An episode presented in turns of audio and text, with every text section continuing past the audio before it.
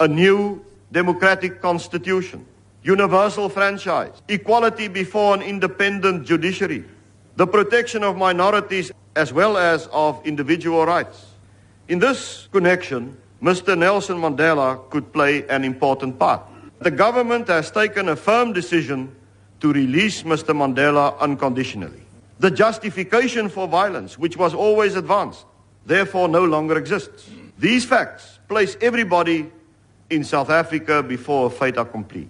Die dramatiese woorde is deur 'n lang proses van konsultasie voorafgegaan. Dr Dawie de Villiers was destyds die NP-leier in die Kaap, asook minister van mineraal en energie sake. Hy was deel van 'n klein groepie vertrouelinge wat help skryf het aan die geskiedkundige toespraak. Dis 'n vertroulike, persoonlike gesprekke in die klein kring waarin hy die konsepte vir ons voorgelê het notas is gemaak. Hy maak die notas, die konsepte is teruggeneem en ons het seker 3 of 4 vergaderings gehad. Dit het dus vir ons 'n baie persoonlike verbintenis gegee. En as jy praat van opgewondenheid, ons moes dit in onsself omdra sonder om iewers iets te laat lek in daardie paar dae voor die toespraak gekom het, want dit sou totaal van sy krag ontneem gewees het as mense vooraf kennis gedra het. So jy het dit nie met julle vroue bespreek nie. Nee, as jy in situasies van hierdie aard kom, leer jy maar om jou mond te hou tot op die geleë tyd. Het julle gestry? Ons het meningsverskille gehad. Ja, en ons het meningsverskille gehad en ons nie rondom die tafel opgelos het nie, maar die patroon was so uh, dat ehm um, weet as die voorsitter ons uitgelok gevra, ons het bespreke, daar meningsverskille was, maar op die ou end het hy notas gemaak en gesê, "Goed, hy sal hierna kyk" of ander het hy gesê, "Ja nee, ek aanvaar dit, ons gaan daai stukkie uithaal." Ons het nie geweet van die een teks tot die volgende teks watter wysigings aanvaar is of nie behalwe wanneer ons dit weer gesien en daaroor gepraat het. Hoeveel tekste was daar? Ons het ongeveer 4 keer 4 na 5 3 4 5 keer ontmoet. Waarskynlik 4 keer. Dit was 'n teks in wording. Die toespraak van 2 Februarie is voortdurend hersien. Kort na die Desember vakansie is daar begin met die skryf verskillende dele natuurlik het gehandel met blote normale landsadministrasie. En dit is op die gewone manier hanteer. Maar die deel wat gehandel het oor hervorming dit was baie meer direk onder my beheer met wisselwerking met veral die lynfunksie ministers wat geraak is die veiligheidsministers die minister van buitelandse sake die minister van finansies.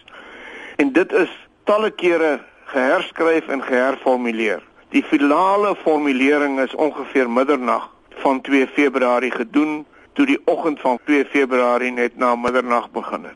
De Klerk het die aand van 1 Februarie 1990 saam met sy jarelange vriend Mof ter Blanche gekuier. Die aand van 1 Februarie het hy heildronk om instel by my buurman Dr. van der Malherbe wat 60 uh, oud geword het. Nou ek het toevallig langs hom gesit by so 'n informele ete sommer in Hy was rusteloos. Hy was haastig om terug te gaan na sy kantoor om een paragraaf van sy toespraak van 2 Februarie af te handel. Dit het nou later gebleik dis die een oor president Mandela se vrylating. Dave Stewart was destyds die direkteur-generaal in die president se kantoor en was die aand van 1 Februarie betrokke by die finale redigering van die toespraak. Die aand van die eerste het ek gehelp om die toespraak te redigeer. Dit het 'n paar van ons gedoen in Dr. Jannie Roos se kantoor en ek onthou daar in Tuinhuis het hy 'n uh, klein standbeelde gehad van al die vorige eerste ministers en presidente op sy vuurkagel. En uh, toe ek nou die kernelemente van die toespraak gelees het, het ek oorgestap en ek het al die gesigte na die muur gedraai want ek het besef dit dit is nou absoluut 'n nuwe begin in die hele geskiedenis van Suid-Afrika. Noel Basson, wat vir 12 jaar lank Ewie de Klerk se privaat sekretaris was, het snif in die neus gekry dat die toespraak anders was as ander. Hy het so 2 dae voor die 2 Februarie het hy begin om sy toespraak te skryf. En soos wat hy 'n bladsytjie klaarmaak, so staan hy op en dan stap hy na sy persoonlike sekretaresse Piet van die kerk wat dit dan begin tik en ons kyk net maar vir spelfoute en dan word dit aangestuur na Chris Renken vir die vertaling in Engels. Toe kom ons by die laaste dag. Nou as jy in tuinhuis werk of in die kantoor van die president, dan kan jy dadelik agterkom, jong, hier is iets aan die gang die tempo verander, die atmosfeer verander en ons as personeel kon agterkom, maar hier is iets aan die gebeur, maar ons het nie 'n idee gehad wat nie. En hierdie toespraak het so stadig maar seker begin inpas soos 'n legkaart. En die stukke oor die ANC se vrylating, die kommunistiese party se vrylating, meneer Mandela se vrylating, die was baie interessant, was net sulke doetjies, doetjies, doetjies. Die vraag waaroor ons nie sekerheid gehad het nie, alhoewel ons naby aan hom was, was hoe ver was EW bereid om te gaan? En toe ons die geleentheid gekry het, ek althans saam met 'n paar ander kollegas om die eerste konsepte wat hy aan ons voorgelê het om ons te gebruik as 'n klankbord. Toe was ek baie opgewonde en ek dink die paar kollegas wat dit saam met ons gedeel het in daardie week of 10 dae voor die toespraak eintlik gelewer is, het daardie opgewondenheid gedeel. Laatmiddag 1 Februarie 1990 terug in Tuinhuis waar Noel Bason en Pets van Niekerk van die toespraak getik het, maar net kon sit en wonder oor die gapings in die teks. Wat kon mens daaruit aflei? Maar ons het aangegaan met ons werk en uh, hy het een of ander vroeë funksie gehad wat hy moes weggaan daar van Tuinhuis af en ons gaan toe nou nog aan met die toespraak. Maar toe hy daar uitstap, al wat hy vir ons gesê het is Suid-Afrika gaan nooit weer dieselfde wees nie. Op 25 Januarie 1990 het Evie de Klerk sy ou vriend Mof ter Blanche as klankbord gebruik na 'n dag van golf speel. Toe skielik het hy so opwindend en beslis vir my gesê: "Mof, sê vir my, wat is jou siening? Maar moenie my jou siening gee nie. Sê vir my, wat sou jy dink is die reaksie van die man in die straat wees indien ons die ANC sou ontban?" Ek het so 'n ligstraal gekry van iets om hom te vra toe ek vir hom sê maar ewe my teenvraag is uh wat van die kommunistiese partylede aansien daar so baie dubbele lidmaatskap van die ANC en die kommunistiese party was. Nou hy het so oomblik geaarsel en gesê mof ek dink dit sal 'n moeilike een wees. Ek kon waarneem daar iets groots aan die broei was maar dat hy nog met homself gestoei het oor hoe ver hy aan die verwagtinge kon voldoen. So die eintlike toespraak is nie vir jou gewys of een Nee, nee nee, hy het my net sommer so getoets. Mm. En toe ons so by die uh, plek van Braai aankom, het hy my so op die knie geslaan gesê, "Maar ek moet nie negatief voel nie, ek moet positief wees want volgende week hierdie tyd sal Suid-Afrika 'n beter plek wees." David de Villiers sê die kombuiskabinet se aandeel in die skryf van die toespraak was breedvoerig en moes alle implikasies en terugvoer antisipeer. Ons het ook in daardie laaste gesprekke die teks bekyk in die lig van hoe dit uitgevoer gaan word. Wanneer gaan Mandela bevry word? So die gesprekke was veel wyeer as net die toespraak, die aankondiging, die teks self. Was dit 'n gespanne atmosfeer? Ek dink na mate ons gevorder het om die teks te kry wat ons gekry het, het die spanning in ons opgeloop in afwagting. Afwagting was omtrent die woord, veral wat die internasionale media betref. Dave Stewart onthou van die groot Amerikaanse netwerke CBS, ABC, NBC het eintlik alle aandnuus vanuit Kaapstad uitgesaai. Peter Jennings was hier in die Kaap. Ted Koppel was in die Kaap. Don de Cesare, een van die topmense in eh, CBS was hier in die Kaap. Dit was die media storie van die jaar. Die BBC se Suid-Afrikaanse verteenwoordiger destyds, James Robbins, is dit met Stewart eens oor die nuuswaarde van die toespraak.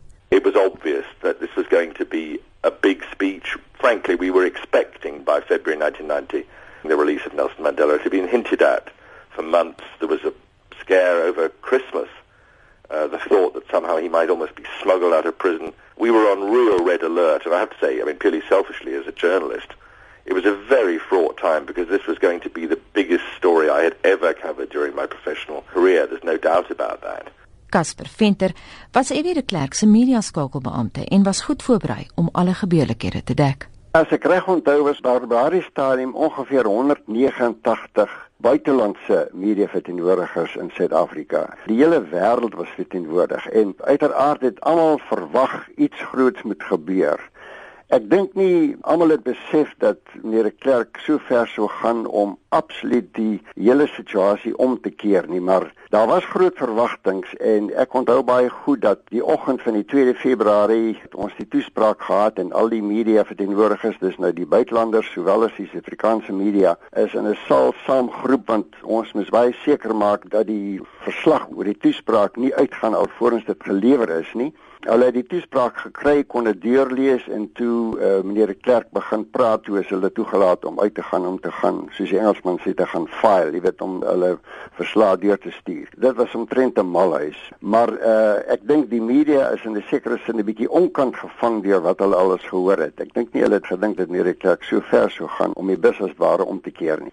'n herhaling van die gebruikte Rubicon toespraak van PW Botha wat met vanvare vooraf gegaan is, maar wat toe slegs 'n muis kon baar, moes ten alle koste vermy word. Iets waarvan Dave Stewart maar al te bewus van was. Die Rubicon toespraak is die heel slegste staatskommunikasie van alle tye. Dit was die verkeerde gehoor, dit was die verkeerde boodskap, dit was nie korrek aangebied nie, dit is nie korrek geskryf nie. Dit kon nie erger gewees het nie. Hulle het ontsettende verwagtinge geskep deur die toespraak vooraf te verkoop. Hierdie keer is die toespraak met deeglike beplanning en professionaliteit aangebied. Ons het gesorg dat die media voordat president de Klerk die toespraak gelewer het, volledig voorgelig is oor die inhoud van die toespraak. Dr uh, Gerard Viljoen was teenwoordig om antwoorde te gee oor die inhoud en betekenis van die toespraak.